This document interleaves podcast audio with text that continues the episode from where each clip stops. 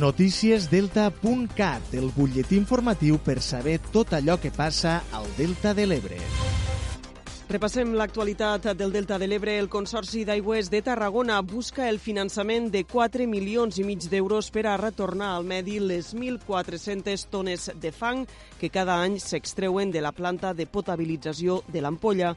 La xarxa de canals de rec serviria de transport perquè els fangs arribessin al Delta de l'Ebre i combatre el problema de la subsidiència. Després que al 2016 ja es fes una prova pilot d'injecció de sediments als canals de regadiu en el marc del projecte Life Ebro at Miclin, ara el CAT busca el finançament per tirar endavant el projecte.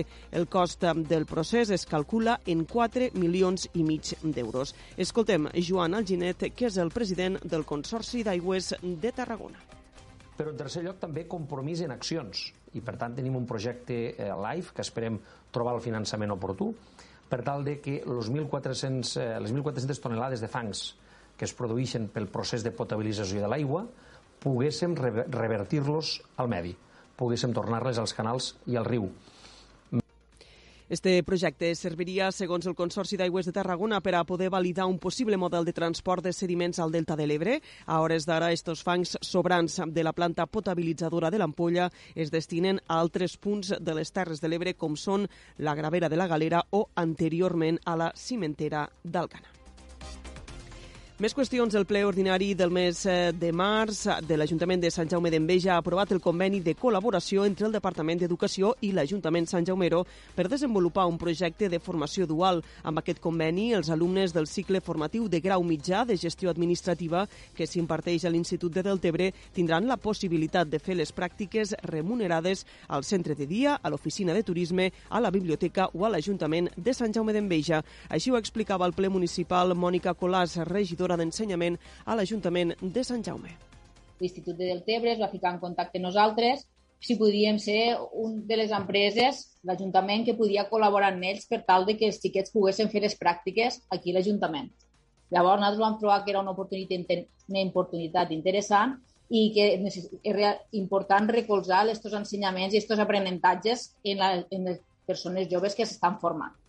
En el ple de dilluns també es va donar compte sobre el desenvolupament del polígon industrial Les Salines Sud 3. Es va aprovar el projecte de reparcel·lació urbanística en la modalitat de cooperació i també es va aprovar ja el projecte d'urbanització. Així ho explicava Joan Castorgonell, alcalde de Sant Jaume d'Enveja. Eh, se pot fer entre tots o es pot fer per part d'aquell que té o d'aquell propietari que té més d'un 50% de la, de la superfície.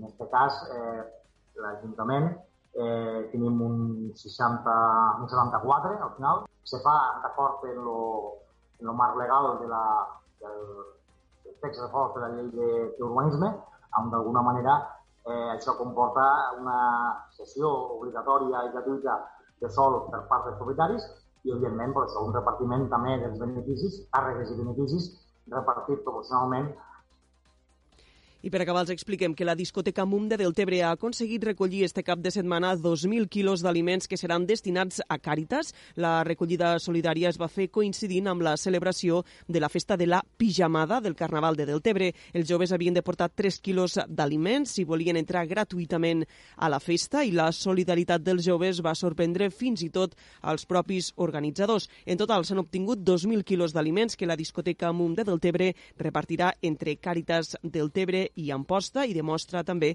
que la gent jove del territori s'implica en aquestes causes solidàries.